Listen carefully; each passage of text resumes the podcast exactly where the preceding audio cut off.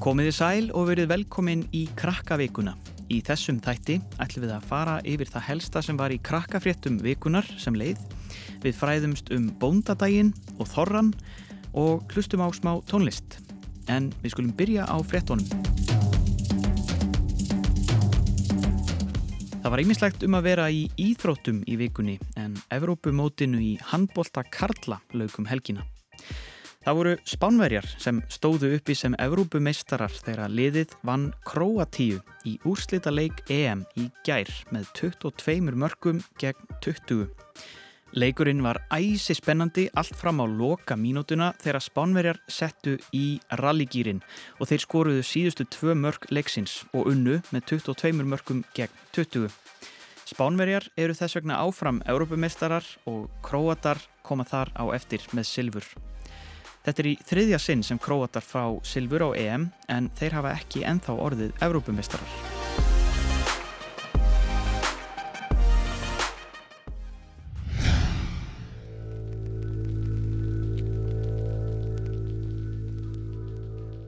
Ný tegund veirusíkingar hefur skotið upp kollinum í Kína.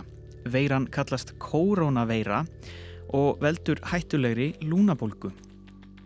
Nokkur hundruð tilfelli hafa greinst, langt flest í borginni Wuhan þar sem veiran greindist fyrst. Stjórnvöld í borginni hafa ráðlagt borgarbúum að fara ekki út fyrir borgarmörkin. Almenningssamgöngum út fyrir borginna var hægt og flugferðir voru feldar niður. Setna var fólki á svæðum í kringum borginna líka ráðlagt að ferðast sem minnst. Það er gert til þess að komi veg fyrir að veiran berist á milli fólks og dreifist um stærra svæði. Sumt fólk hefur áhyggjur af tímasetningunni af því að kínverjar heldu upp á nýtt ár um helgina. Við þau tímamót ferðast venjulega miljónir manna um landið til að vera með ættingum og vinum yfir hátíðarnar.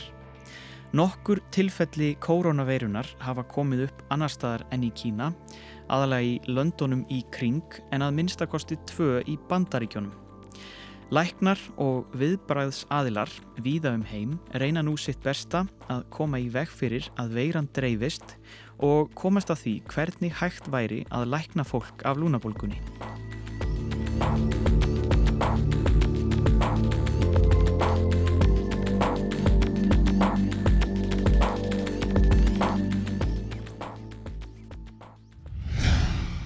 Aðdáendur Harry Potter ætti að þekkja vel galdra íþróttina Quidditch. Sú íþrótt er reyndar ekki bara til í ævintýrum því það er líka keft í Quidditch í okkar heimi, mugga heimi. Á Spáni keppa diggir Harry Potter aðdáendur í Quidditch. Þeir eru á kústum eins og í bókunum en þó ekki töfrakústum og geta þessum ekki flóið. Farið er eftir sömu reglum og minnst er á í sögunum með einni undantekningu gullna eldingin, agna smáa vangjaða kúlan sem keppendur vilja ólmir fanga, flýgur ekki og er þess vegna í fanginu á einhverjum keppandana. Þeir segja að þessi útgáfa leiksins sé blanda af fótbolta og rúbi. Á spáni eru um 20 lið og fyrsta spænska deildarkeppnin var haldið árið 2016 Keft hefur verið í Quidditch á jörðu niðri frá árunnu 2005 þegar fyrsta keppnin var haldinn í bandaríkjunum. Síðan þá hafa fjölmarkir skólar um víðaveröld komið sér upp Quidditch liði sem keppa á árlegum mótum.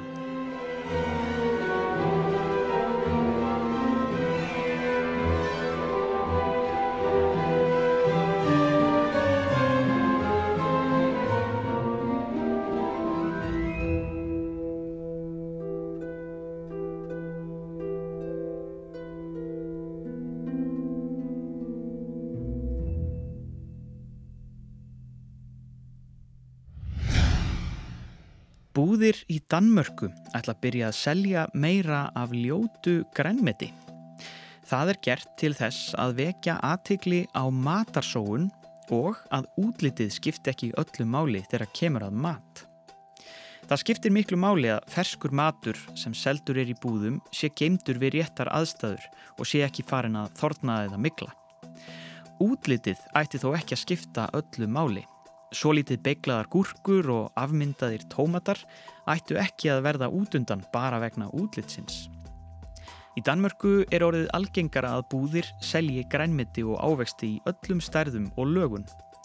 Stórar búðir og nokkrir byrgjar hafa ákveðið að hætta að skilja út undan. Hjá einum dönskum grænmetisframleðanda hefur rúmlega 370 tonnum af því sem kallað er ljótt grænmeti verið bjargað frá ruslinu á síðustu tveimur árum. Það er greinlega mikið af mat sem hend er bara vegna útlitsins. Talið er að í heiminum öllum fari um þriðjungur af öllum mat til spillis. Það væri þessuna góð leið til að minka matarsóun að skilji ekki ljóta matin eftir. Það er bara eins og í danska ævintýrinu um litla ljóta andarungan. Útlitið segir ekki alla söguna.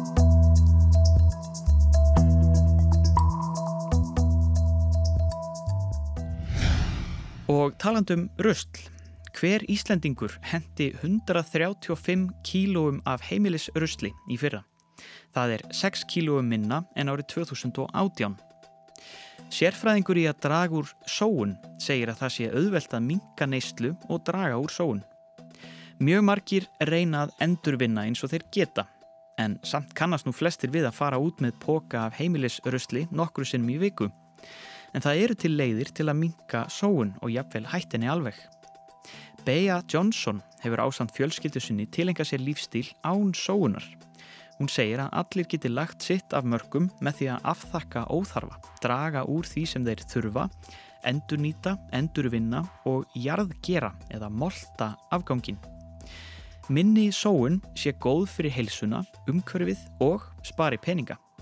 Og það sé aldrei of seint að byrja.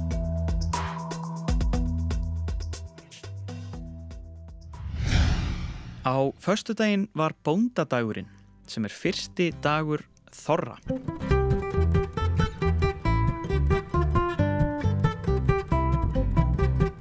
Þorrin byrjar alltaf á förstudegi í 13. viku vetrar sem þýðir að hann lendir ekki alltaf á sama mánadardegi en er alltaf á tímabilinu 19. til 25. janúar.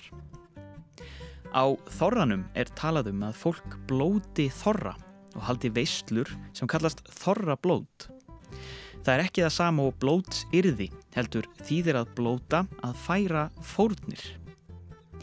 Flestir tengja þorran við matin sem þá er á bóðstólum, súrt, slátur, kæstur, hákarl, svið og margt fleira. Í gamla daga var hefðin svo að húsmóðurinn færi út kvöldið fyrir bóndadaginn til að bjóða þorra velkomin í bæin eins og hún væri að taka á móti mikilvægum gesti. Bóndin átt að fara fyrstur á fætur um morgunin og fara út á brókinni bara í annari buksnaskálminni og hoppa á öðrum fæti í kringum bæin. Þessi síður hefur breyst mikið í gegnum tíðina og nú er hefðin svo að konur gerir bara eitthvað fallegt fyrir bóndasinn eins og færónum blóm eða eitthvað gjöf. Það væri líka kannski svolítið skrítið í dag að sjá menn hoppandi í kringum húsi sitt á brókinni. Síðasti dagur Þorra heitir Þorra Þræll og daginn eftir hann byrjar Góa. Nú er frost á fróni, frís í æðum blóð, veður kuldaljóð, kári í öllum lagsalóni, liggur klaka til, þær við tíðar bíl, hamra gíl. Marar bára blá, brotnar tung og há, unnar steinum á, ild og grett á brá, yfir aflatjóni, æðra skipstjórin, harmar hlutinn sinn á sér til. Horfir á heia forðan hryggur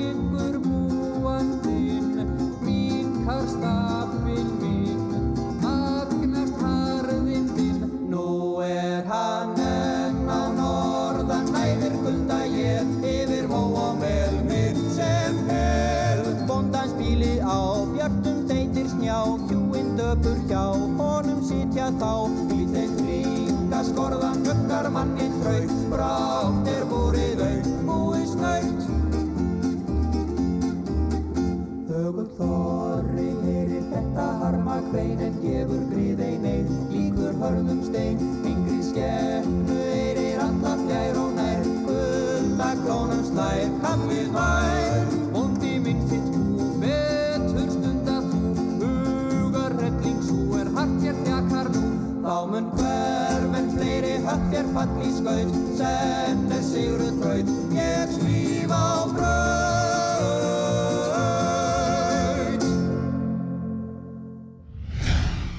Bæði Ísland og Bandaríkin velja sér forsetta á þessu ári. Forseti Íslands, Guðni T.H. Jóhannesson, sagðist í nýjárs ávarpi sínu ætla að bjóða sig aftur fram. Hann hefur verið forseti síðan 2016 í fjögur ár sem er eitt kjörtímabil. Allir íslenskir forsetar hinga til hafa setið í tvö kjörtímabil eða lengur. Ólafur Ragnar Grímsson hefur lengst verið forseti eða í fimm kjörtímabil. Ef enginn býður sig fram á móti Guðna er hann sjálf kjörinn. Það þýðir að það þarf ekki að kjósa heldur verður Guðni áfram forseti. Ef hann fær mótframbóð verða haldnar kostningar 27. júni. Í bandaríkjunum verða forsetakostningar í november en kostningabaráttan er þegar farin af stað. Tveir stærstu flokkarnir, demokrataflokkurinn og republikanaflokkurinn, eiga báðir eftir að velja hver verður þeirra frambjóðandi í kostningunum. Það er líklegast að Donald Trump, sitjandi fórseti, verði frambjóðandi republikana. Það er aðeins erfiðar að spá fyrir um hver verður frambjóðandi demokrata en flestir spá því að það verði Joe Biden, Elizabeth Warren eða Bernie Sanders.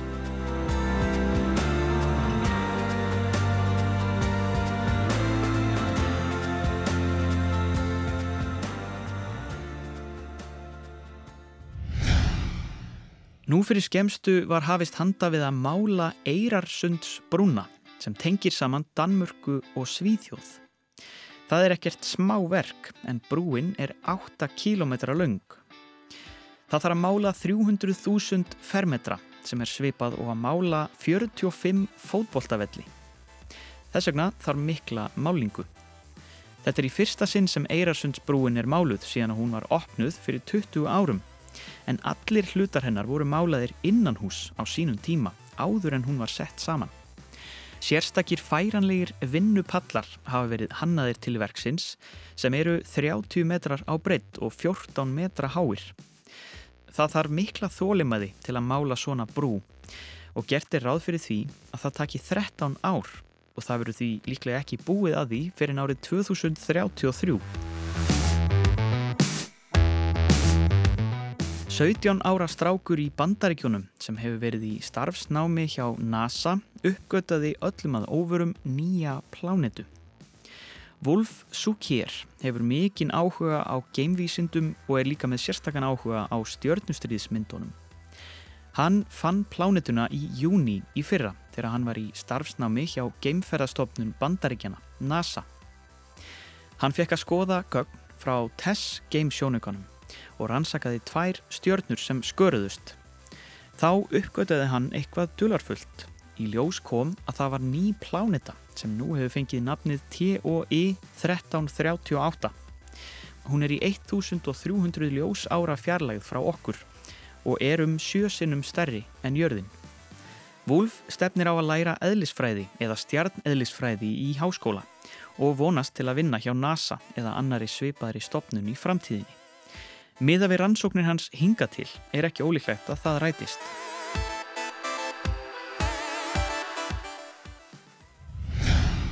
Ný bíómynd um kongulormannin Spiderman verður að hluta til tekinu upp á Íslandi. Þetta verður þriðja myndin um kongulormannin þar sem að Tom Holland leikur hetjuna. Ísland hefur undanfarin ár verið vinsæl tökustadur fyrir stórar bíómyndir og ekki í fyrsta sinn sem Marvel-mynd er tekinu upp hér á landi.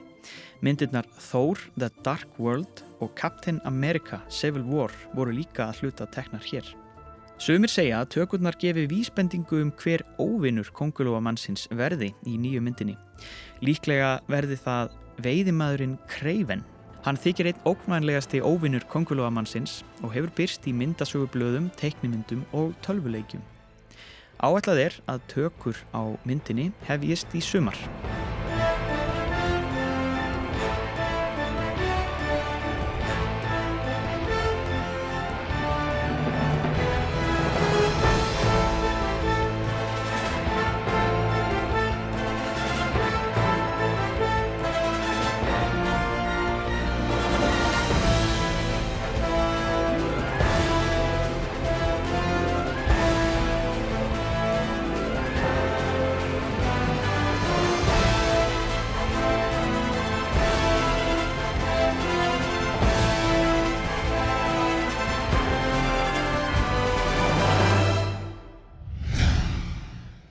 Átján ára tónlistakonan og ofurstjarnan Billie Eilish kom sá og sigraði á Grammy velunaháttíðinni sem fór fram um helgina en hún fekk öll eftirsóttustu velunin. Hún var tilnæmt til sex veluna og fekk fimm þar á meðal þau fjögur sem þykir flottast að fá fyrir plötu ársins, lag ársins, smáskífu ársins og nýliða ársins. Fymtu velunin voru fyrir bestu sungnu popplötuna. Ælis deildi hluta velununa með bróður sínum, Phineas O'Connell, sem er hennar nánasti samstársmaður í listinni. Ælis er yngsti listamæðurinn sem tilnæmt hefur verið til allra fjögura stóru Grammy-velununa en hún var bara 17 ára þegar tilnefningarnar voru byrtar. Og enn og aftur komst Hildur Guðnadóttir í fréttir fyrir velun sem hún hlaut en hún fekk Grammy-velun í floknum besta tónlist fyrir sjónrænan miðil fyrir hljóðurás sína við þættina Tjernobyl.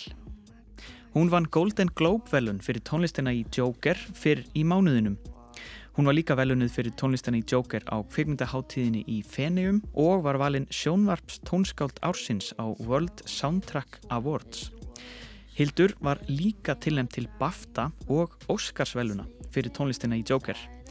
BAFTA-velunin verða aðfendt annan februar en Óskarinn viku setna eða 9. februar. En þá er ekki fleira í krakkavikunni að þessu sinni. Við heyrumst aftur eftir viku en það er alltaf hægt að hlusta og horfa í Krakkarúf appinu og á krakkarúf.is. Við ljúkum þessum þætti á lægi ásins á Grammy veluna háttíðinni Bad Guy með Billie Eilish. Takk fyrir að hlusta. Bless bless. bruises on both my knees for you. Don't say thank you. Oh, please, I do what I want when I'm wanting to. My soul, so cynical. So you're a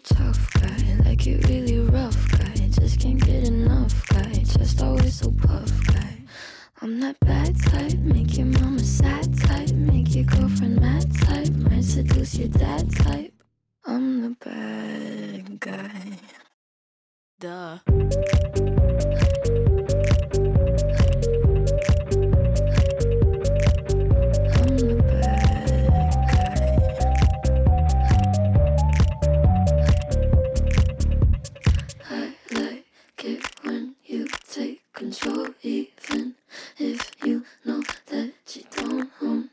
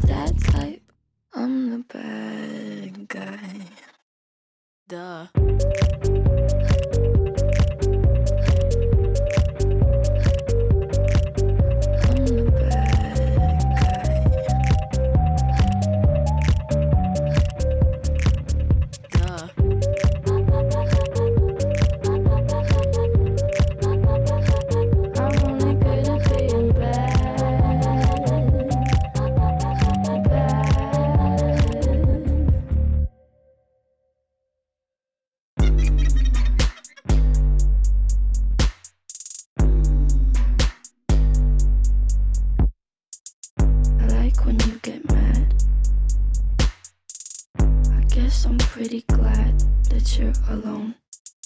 You said she's scared of me? I mean, I don't see what she sees, but maybe it's cause I'm wearing your cologne.